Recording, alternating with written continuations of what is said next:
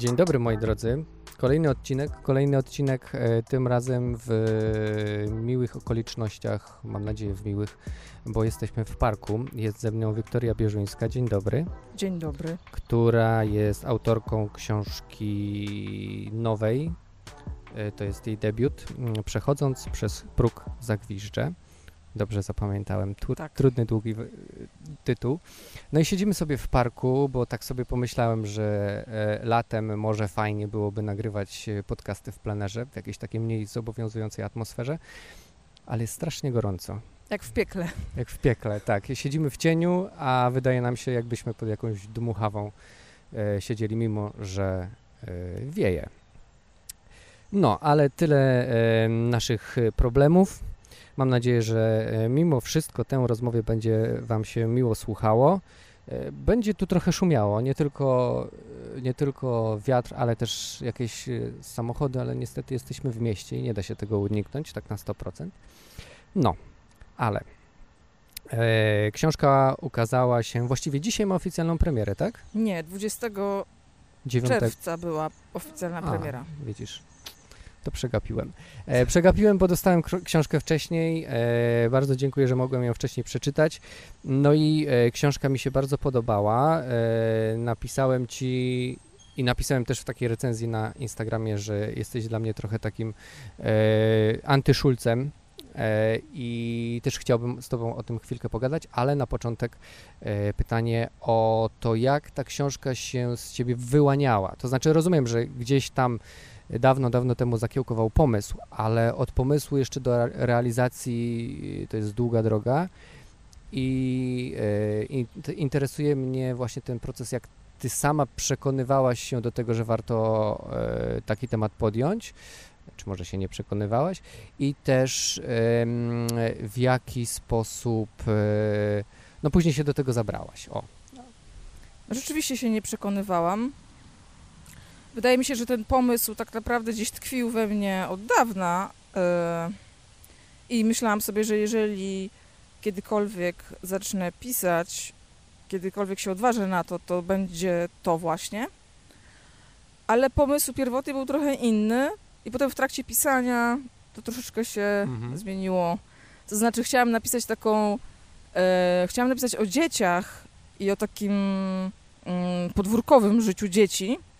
I to miało być coś, e, mm, to miało być o latach 90., ale tak trochę e, odmitologizowując te lata 90.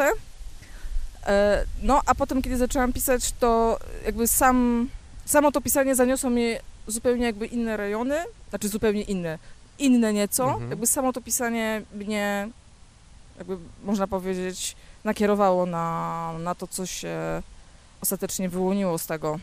Czyli rozumiem, że na początku raczej myślałeś o takim e, powiedzmy trzepakowym życiu, Coś takiego. a okazało się, że to będzie, że to jest e, historia bardziej rodzinna, sfokusowana na relacjach rodzinnych, tak? Mhm. E, No tak, ci, zakładałam sobie, że dorośli będą gdzieś tam w tle, że oni będą się pojawiać, ale generalnie będzie to się działo poza, powiedzmy, mieszkaniem, blokiem, a okazało się zupełnie na odwrót, tak, że większość scen się rozgry- rozgrywa w mieszkaniach, we wnętrzach i że jest to historia rodzinna rzeczywiście, e, a z tego podwórka tam została chyba jedna scena tak naprawdę. tak, tak, Mhm. e, ale taka dosyć wyrazista. Tak. Mm, Ale co, co się stało, że właśnie ci dorośli zaczęli dominować? E, Co się u ciebie zmieniło jakby w głowie? Wiesz co, no właśnie to jest tajemnica y, związana z, z tym, jak proces pisania przebiega. Mhm. Nie odkryłaś jej? Nie, nie odkryłam jej. Po prostu w pewnym momencie sobie uświadomiłam, że, że te rodzinne jakieś e, relacje są, nie wiem, dla mnie ważniejsze, czy, czy po prostu zaczęły mi przychodzić do głowy kolejne sceny i skupiłam się po prostu na tym. Mhm. I mm, to też się, wydaje mi się, poniekąd wiązało z e, jakby pracą nad językiem e, i w ogóle takimi rzeczami związanymi bardziej ze strukturą e, tej książki. I ono jakby to wpłynęło bardziej właśnie na, na, na treść, tak? Na, na to, co chcę, co chcę powiedzieć. Aha, no, y, czyli to było tak, że ty nie planowałaś sobie e, tak mocno e, tego świata, który później przedstawiłaś, nie planowałaś jakby jego, powiedzmy, tych zasad y, rządzących tym, no nie wiem jak to nazwać, ekosystemem, Mhm. powiedzmy. Y, samo, sam proces pisania spontanicznie cię popchnął w te rejony, które finalnie mamy w książce. Tak, przy czym nie wiem, czy użyłabym, że spontanicznie, nie wiem, czy użyłabym tego no, słowa, no. bo jak sobie myślę o tym, jak ja to, to pisałam, to raczej, hmm, nie wiem, może to po prostu coś podświadomie mną jakby też kierowało. Mhm. Miałam takie poczucie, że to wynika, że to wypływa z jakichś takich rejonów, w których nie do końca może byłam jakoś świadoma. Tak myślę. A, a propos ty, tych rejonów y, y, nieświadomych, y, czy ty dużo w ogóle czerpałaś ze swojego doświadczenia? Bo się mówi bardzo często, chociaż nie sądzę, że to jest prawda, że ta pierwsza książka to jest zawsze y, w największym stopniu autobiograficzna. E, I czy ty, y, no właśnie z tego autobiografizmu jakoś, jakoś czerpałaś, czy, czy, czy nie? No właśnie to jest trudne pytanie, no bo e, zasadniczo tak. Mhm. Natomiast y, bazując na pamięci dziecka, której raczej nie można jakoś ufać, na tych obrazach, które dziecko zapamiętuje, które mogą być przemieszane, które mogą być zasugerowane, które nie, nie, nie trzymają chronologii, tak? Więc, y, więc to już jakby zdeterminowało, jakby to, to już de, determin, jakby komplikuje sprawę. O. Mhm. To znaczy, y, oczywiście mogę powiedzieć, że pierwowzory postaci żyły bądź żyją do dzisiaj, Mhm. tak? Że jest to gdzieś tam, wypływa z mojego doświadczenia, ale nie powiedziałabym, że jest to e, książka, która, kt- której wydarzenia miały miejsce, jakby, w, w, jakby że, dotyczy wydarzeń, które miały miejsce, tak? W takiej chronologii, w takim Mhm. układzie, że wydarzyły się w taki sposób, jak je zapamiętałam.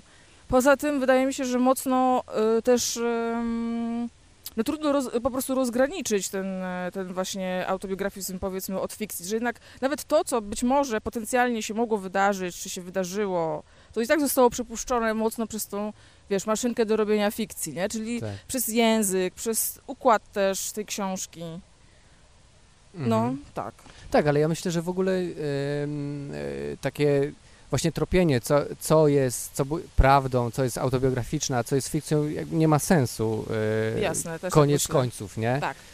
E, ale interesuje mnie e, to, co właśnie powiedziałaś, że, że jednak czerpie się trochę z siebie i to jest też tak, że to no nie piszesz reportażu, o. No nie.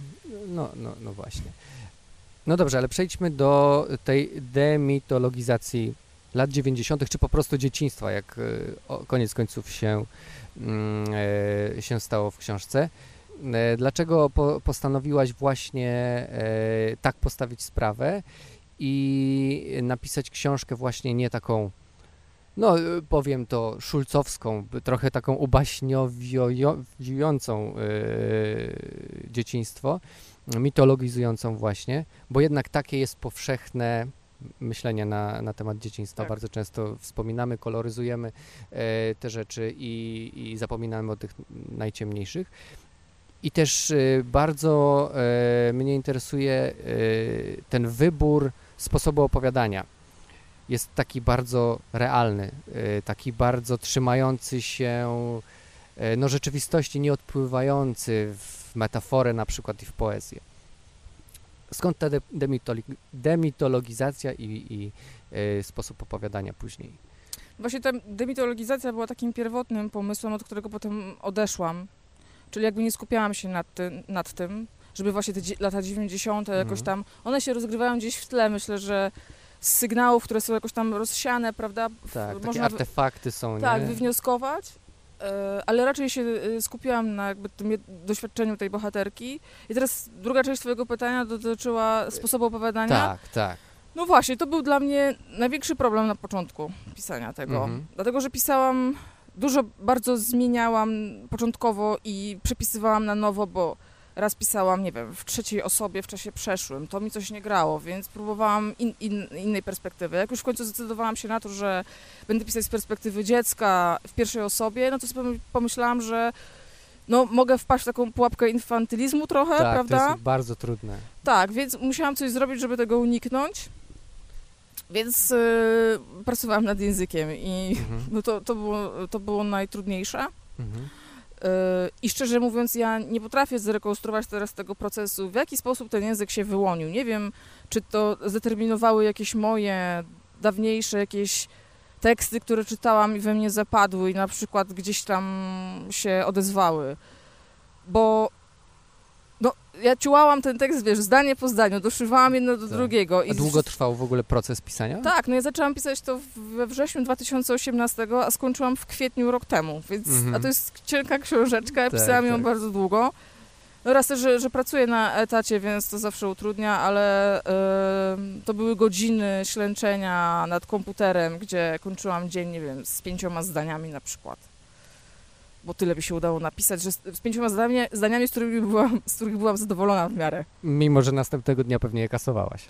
Nie zawsze, ale, ale tak, że czasami było tak, że Mhm. wracałam do tych fragmentów, przepisywałam na nowo. Ja tę książkę przepisywałam wiele razy, tak. E, Z pierwszej sceny ja do dzisiaj nie jestem zadowolona. Dzisiaj jak, e, jak otworzyłam książkę, jak dostałam ją od, od wydawcy i przeczytałam pierwszą, pierwszą stronę, to sobie pomyślałam, że kurde, no nie, że jakby napisałabym to A, inaczej. a przypomnij, o czym jest pierwsza strona, Pierwsza bo już nie pamiętam. Pierwsza, pierwsza scena to jest kiedy babcia e, kroi chleb i bohaterka przygląda się jak ona zaczyna bochenek, tak, że kreśli znak krzyża i potem robi kanapki, tak, i to jest takie, taki sielski obrazek dosyć. E, Kontrastujący z późniejszymi scenami. Tak, więc e, No dobrze, to y, jeżeli jesteśmy przy, przy tekście, w którym momencie i czy w ogóle był taki moment, bo niektórzy pisarze w ogóle tego nie mają, e, że stwierdziłaś, okej, już może być, już jest całość i odsyłam to, wysyłam to do wydawnictwa. Znaczy ja myślę, że mogłabym to pisać w nieskończoność, tylko po prostu w pewnym momencie już byłam zmęczona tą, tą historią Mhm. Byłam zmęczona po prostu pisaniem tego i sobie powiedziałam, że muszę skończyć. I pamiętam, że nawet wzięłam urlop dwa tygodnie w pracy i sobie pomyślałam, że do brzegu, płyńmy już do brzegu.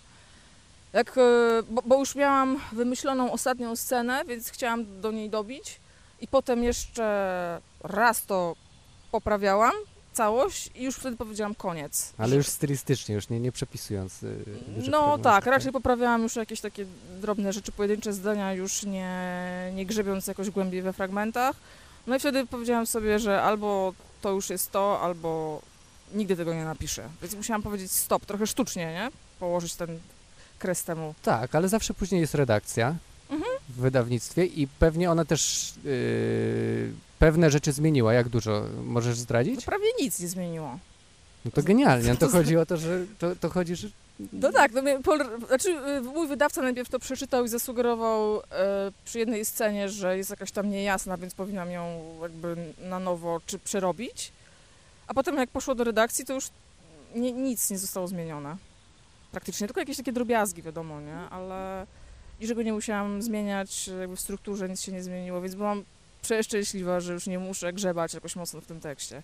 A poczułaś się e, wtedy, no właśnie, poczułaś wtedy ulgę, czy jakiś e, rodzaj, no też dowartościowania ciebie jako, jako pisarki zaczynającej, która pewnie jest niepewna swoich umiejętności, nie? W życiu nic nie jest w stanie mnie dowartościować, zawsze będę się czuła niedowartościowana. Nawet, nawet to, że, że nie potrzeba książce redakcji, tak naprawdę. Znaczy nie, no to, to mnie ucieszyło, ale właśnie to była jakaś ulga. No właśnie, czyli nie radość, a bardziej ulga, ale tak? potem cała niepewność związana z tym, co będzie dalej z tą książką, jak zareagują na nią czytelnicy. Teraz może trochę rzeczywiście mam większy luz, że No bo już są dobre opinie. są dobre opinie i też ludzie do mnie piszą prywatne wiadomości. Jestem też po pierwszym spotkaniu autorskim, gdzie też e, ludzie mówili, co im zrobiła ta książka i, i to mnie zawsze, i to jest bardzo, bardzo mnie to cieszy i pod tym względem już trochę jestem uspokojona, ale oczywiście zawsze jest obawa teraz następna rzecz, jak to pójdzie, czy jestem w stanie i tak dalej. A, wiadomo. mówisz o następnej książce, Tak, tak? tak, Czy tak. Jest już coś w głowie? Zalążek jest nawet w tekście, ale to jeszcze długa droga przede mną. Okej. Czyli za kolejne 6 lat się spotkamy. Nie, no mam nadzieję, że trochę Cztery. szybciej. Nie popędzam, bo to jest najgorsze. Jasne, znaczy no nie mówię, że za rok, bo raczej nie, ale y, chciałabym to napisać, y, nie rozwlekać tego. Wtedy wydaje mi się, że też na moje pisanie też rzutowało to, że nie do końca, jakby traciłam wiarę też w to. Y, Teraz bardziej ten proces pisania jest mi bliższy, wiem już też jak ja pracuję i co muszę robić, więc to mi bardzo ułatwia. Dużo się nauczyłam przy pisaniu tej książki. Tak mogę powiedzieć. Tak, ja mam te same doświadczenia. No. Do, dokładnie te same doświadczenia. W takim sensie, że mm, e, mniej więcej wiem, co chcę napisać, to znaczy wiedziałem, co chcę napisać.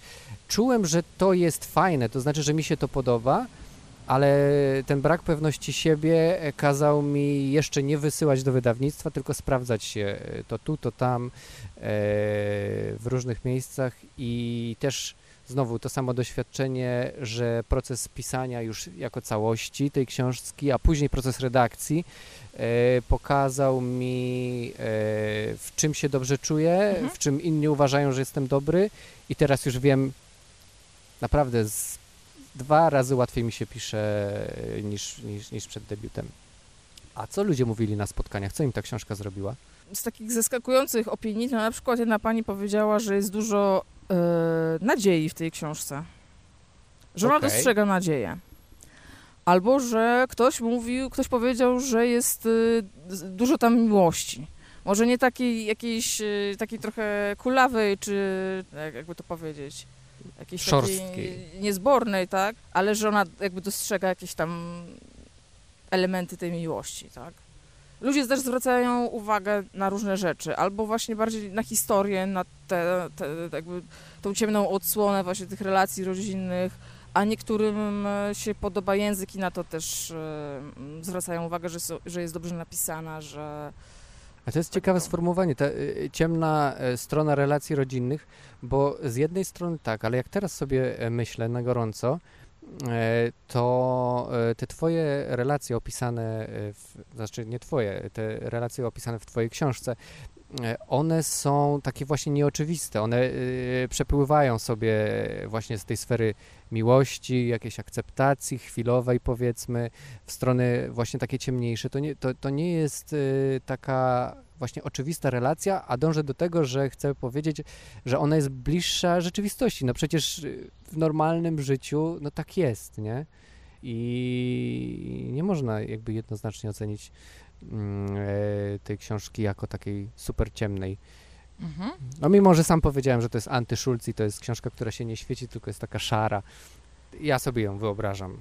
Kiedy maluje mi się ten obraz e, osiedla, tych właśnie dzieci, które na placu zabaw e, się powiedzmy bawią, e, to że to jest wszystko w takich kolorach szarości. Powiedziałaś, że mm, w Twoim tekście może się tam pojawiają jakieś echa rzeczy, które czytałaś wcześniej. Czy możesz powiedzieć o swoich inspiracjach w tym kontekście? Co czytasz, co być może było właśnie taką bezpośrednią inspiracją dla książki? Trudno mi mówić o bezpośredniej inspiracji. E, wydaje mi się, że to, co czytam teraz, mam jakoś zasłonić też. Nie, Czy tak- co, tak... Nie wiem, czy to będzie słychać, ale może nie będzie słychać tego wiatru tak bardzo. Zobaczymy. Spróbuję to wyedytować. Okej. Wydaje mi się, że, e, że teraz moje lektury dzisiejsze jakoś nie, nie, nie wpływają na moje pisanie. Raczej miałam na myśli rzeczy, które czytałam w takim okresie nastoletnim, które zrobiły na mnie wrażenie, że wow, że tak można pisać w ogóle. Mhm. I właśnie przed chwilą rozmawiałam z Anią i o tym jakby też... Z Anią Karczewską Tak, z dodajmy. Anią Karczewską. I W Radiu Campus. zahaczyłam o, zahaczyłyśmy o, o to, bo wcześniej się nad tym nie zastanawiałam, ale dzisiaj mi się wydaje, że na przykład e, trylogia gdańska, tak zwana Gintera Grasa, Mhm. czyli Blaszany Bębenek, Psie lata głównie, to były lektury, e, po które sięgnęłam chyba za wcześnie, bo byłam taką wczesną nastolatką, ale pamiętam, że zrobiły na mnie gi- gigantyczne wrażenie właśnie język, ta fizjologia wręcz e, u Grasa, taka mocno wyeksponowana seksualność też i mm, zmysłowość. I jakoś to we mnie zapadło. Ja nie wiem, czy to jest, czy to jest widoczne, prawdopodobnie nie, ale To bardziej... seksualność jest. tak, Taka- seksualność to jest, ale, ale chodzi mi bardziej o język. Raczej Mhm. może po prostu to otworzyło w moją wyobraźnię, a z późniejszych to myślę, że Herta Miller, bo to też, bo to są rzeczy O pisane, tak, to pasuje. pisane rzeczy z perspektywy dziecka, tak, ale też właśnie też taki świat bardzo zmysłowy i też dosyć taki ciemny, szary, jak powiedziałeś. Szczególnie ta pierwsza książka jej Niziny też zrobiła na mnie bardzo duże wrażenie. Myślę, kurde, że tak można pisać, nie? I wtedy to mi coś tam otworzyło, tak myślę. Okej, a to wracając do tej seksualności, bo to jest jedna e, z, e, z takich rzeczy, które mi się w książce bardzo podobały. E, w jaki sposób ty właściwie y, nie nazywałaś tego, jak dziewczynki od, odkrywają jakby masturbację. Tam pada sformułowanie uczucie, tak? Robić uczucie. Robić uczucie, no to jest genialne. To, to, to jest ten brak języka do opisania czegoś właśnie nowego, nieodkrytego. Tak, tylko że e, teraz e, ja tego nie wymyśliłam. To znaczy ja to usłyszałam od kogoś innego, Mhm. że jako e, dzieci ta, e, tak onanizm e, dzieci nazywały. I sobie myślałam, że właśnie to jest genialne, nie? Że, że, tego, że tego użyję. I tak, właśnie o to mi chodziło, żeby... No bo dzieci nie, nie mają tej świadomości, prawda? Nie wiedzą do końca, że to, nie operują tym językiem. Tak, nie Więc- wiedzą, że coś takiego jest i jak to odkrywają, najczęściej nie wiedzą, że coś Tak, takiego tak. jest, y, jeżeli nie mają edukacji seksualnej. No my chyba nie mieliśmy w Nie. tym pokoleniu, nie? Tak, tak, tak. I ja wtedy sobie próbowałem e, przypomnieć, jak ja nazywałem uczucie, ale, ale nie, nie, nie, nie. Chociaż książka właśnie przywia- przywiała te wszystkie takie e, moje właśnie odkrywania seksualności swojej takiego małego chłopca, który jeszcze nie wiedział o co chodzi i próbował właśnie się poznać. Powiedziałaś też, że y, trochę się obawiałaś, no jak każdy, odbioru. A Teraz ten odbiór jest całkiem pozytywny, ale mm, y, zastanawiam się, czy to, jak książka twoja pierwsza zostanie odebrana, będzie miało wpływ trochę na to, jak będziesz pisała drugą? Tak sądzisz? Czy będziesz brała pod uwagę głosy, które się pojawią? I które głosy dla ciebie będą ważne? E, Chodzi ci o, to, jak już tę drugą książkę napiszę. Jak będziesz pisała, czy Mhm. będziesz brała pod uwagę e, to, co mówiono o twojej pierwszej książce, czy te e, opinie, które się pojawią właśnie o pierwszej książce, będą na ciebie rzutowały, jak czujesz? E, Bo czasami jest tak, że wiesz, po debiucie udanym jest ta presja, która się pojawia, żeby sprostać, nie? Że, czy będę brała pod uwagę te, te głosy? Chyba nie. To dobrze. To jednak po, pokazuje, że jesteś pewna siebie. To znaczy, mm, no bo nie wiem, jakbym miała to zrobić. Nie wiem, jakbym miała przekuć te głosy, które teraz są na to, co piszę. Obawiam się, znaczy mamy jedną taką oba obawę, bo ta presja, o której ty mówisz, że właśnie ta druga książka, że ludzie mają jakieś oczekiwania. Mo moją, moją obawą jest to właśnie, to też z Anią Karczewską o tym rozmawiałyśmy, że ludzie lubią piosenki, które już słyszeli, czyli by chcieli czegoś podobnego, a to, co Właściwie, kurde, nie chciałam o tym mówić, nie chciałam mówić o tym, co teraz piszę, bo to może nic z tego nie wyjść, ale chcę napisać coś innego po prostu, tak? E, jakby na razie zostawię dzieciństwo i te sprawy. Nie będzie to już perspektywa dziecka. Tak sobie to planuję. Więc no, zobaczymy. No, no co, zresztą ja sobie tak myślę, że kurde, no przecież innej książki nie napiszę, no bo nie, nie mam. Mam w sobie teraz to, tak? Mhm. I nie wymyślę niczego, nie, nie napiszę historii, nie wiem, z, y, osadzonej w realiach okupacji niemieckiej albo jakiejś Bo science ktoś fiction. to będzie chciał. Na przykład. No, nie, nie, nie jestem w stanie teraz tego napisać. W opisie Twojej książki y, jest takie zdanie, które po przeczytaniu książki nie do końca się z nim zgadzam. Mhm. Jakoś tak trochę, mm, e, trochę mnie po prostu ono zastanawia. E, Bohaterka, narratorka e, stale siebie opowiada, odzyskuje podmiotowość, podmiotowość dzięki językowi i wyobraźni. Czym jest to odzyskiwanie podmiotowości, bo nie do końca je chwytam. E, Jak ono się przejawia? Wydaje mi się, że przez sam fakt opowiadania. To Mhm. znaczy, do bohaterka jest poddawana różnym jej ciało, ona sama jest traktowana przedmiotowo, tak? Jej e, głos jakby nie jest jej udzielany. Jest ona takim manekinem przebieranym, jest jakby jakąś taką kartą przetargową, czy właśnie elementem szantażu, jak tam jest napisane na okładce. Więc wydaje mi się, że ta podmiotowość jest odzyskiwana poprzez jakby to, że to, co się rozgrywa wokół niej, jest w jej spojrzeniu i jest z jej perspektywy. Okej, to jest takie y, snucie opowieści, e, które daje jej władzę. To jest to, co Tak. Tokarczuk mówiła, nie? W y, mowie noblowskiej, że ci, którzy snują opowieść, mają władzę. I to jest jakby nadaje jej w jakiś sposób e, No tak. e, sprawczość. O. Mhm, mhm. No mam z tym problem, bo No. y, wydaje mi się, że to jest trochę takie iluzoryczne, że ona y, cały czas jest y, jednak przedmiotem, a nie podmiotem, mimo tego opowiadania. To jest jakaś taka heroiczna walka, która jest skazana na porażkę. O, teraz się zamyśliłaś. Tak, bo ym, zastanawiam się nad tym i wydaje mi się, że, że rzeczywiście, jeżeli chodzi, jeżeli jesteśmy w samym tekście, w Mhm. samej narracji, to rzeczywiście ona nie przestaje być tym przedmiotem, tak? Raczej myślałam o czymś, e, co, o, o takim spojrzeniu trochę na zewnątrz tekstu. Mhm. O tym, że ten głos, który chciałam stworzyć, jest jakimś takim jej, nie wiem, id- idiomem, jakimś takim czymś tylko jej, Takim unikatowym. tak, jej, jej spojrzenie jest jakby tutaj, że, że widzimy to tylko z jej perspektywy, że nie Mhm. mamy wglądu w to, co, się- co się dzieje w głowach. To jest taki banał, no bo to, to determinuje ta, ten wybór pierwszoosobowej narracji, prawda? Być może, być może tak jest, być może się, być może się mylę, być może... jakby akceptuję to. Może to jest moje, moje, moja projekcja, moje życzenie. Aha, żeby była ta. Tak. Jakby nadana jej sprawczość troszeczkę. Troszeczkę tak i też po czasie, tak? Bo powiedzmy sobie, no poniekąd y, jestem nią w jakiś Mhm. sensie, tak? Przez to, O że właśnie, też to tak czytałem, Tak. Że, że to jest. tak, że jakby y, i ja jej jakby udzielam swojego głosu, Mhm. tak? Y, I jakby po fakcie y, jej ją y, upodmiotawiam, tak? Mhm. Od, oddaję jej to. Mhm. I w tym sensie też nie lubię tego, y, ale być może jest to jakieś trochę terapeutyczne poniekąd, albo pote, poterapeutyczne, takie wiesz, że jakby... W sensie dla ciebie. Tak, tak. Mhm. Nie wierzę, że to mówię wszystko, ale tak. Spoko, najwyżej wytniemy. Nie, no to powiedziałam, jakby biorę odpowiedzialność za swoje słowa.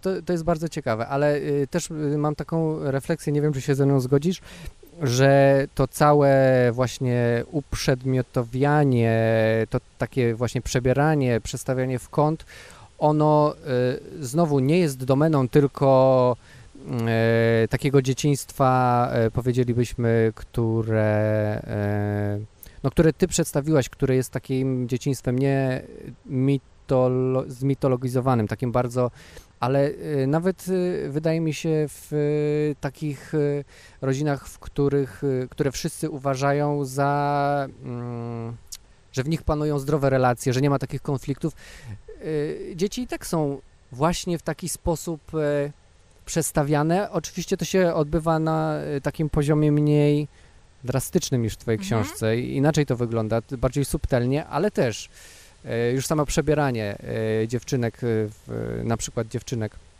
e, w takie piękne sukieneczki, które kompletnie do nich nie pasują, bo są na przykład rocznymi czy półtora rocznymi dziewczynkami e, i tylko utrudniają ruchy. No oczywiście, jakby w dzieciństwo w ogóle, jakiekolwiek, jest wpisany pewien rodzaj opresji, tak? Tak.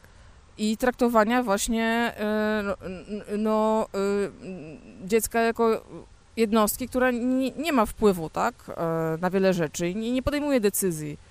I też y, jest dziecko y, chce wszystkiego doświadczać, prawda? Nie, nie potrafi przewidywać swoich konsekwencji, więc, więc trzeba stawiać mu granice. Więc jest to opresja i cały czas zderzanie się z jakimiś barierami, z zakazami i to powoduje wielką frustrację. I to jest właśnie, a to, a, a to przebieranie dziewczynek w sukienki, no to to jest, y, czy jakby też uczenie ich zabawy w y, Lalkami. dom, tak, w lalkami, w y, właśnie, nie wiem, kupowanie miniaturowych kuchenek, no to jest przecież, to jest tresura do, do ról społecznych, w których Tak. one będą. Tak. I to też, to nie jest, jakby y, Zbigniew Libera chyba zrobił taką pracę w latach 90.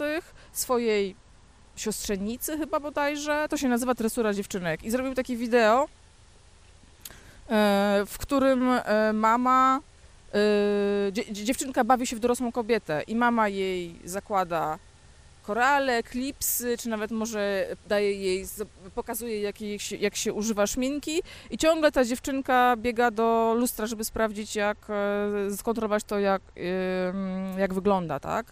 Czyli z, z jednej strony mamy e, to, jakby tą tresurę, czyli pokazywanie tych wszystkich rytuałów kobiecości z matki i jeszcze ta dziewczynka jest na tyle już świadoma tego innego spojrzenia, że ona istnieje w tym obcym spojrzeniu, że biega do, do, do, do, lustra, lustra. żeby skontrolować jak wygląda. No przecież to jest... e, Tak, tak, ale to, ja też zauważam e, taki mechanizm, który e, wydaje się nie jest opresyjny, jest wręcz taki słodki, cukierkowy, e, że właśnie to przebieranie e, dziewczynek w takie ładne stroje, które się podobają tam babciom, ciotkom czy matkom również, to jest właśnie robienie sobie, w sensie dorosłemu, dobrze e, tym dzieckiem. To, to dziecko zaświadcza o tym dorosłym w jakiś sposób. To dziecko sprawia przyjemność temu dorosłemu, że się przebrało w tą ładną sukieneczkę, a samo dziecko, jak czasami popatrzymy, tak patrzy i nie wie o co chodzi, nie? Ma to najczęściej w dupie.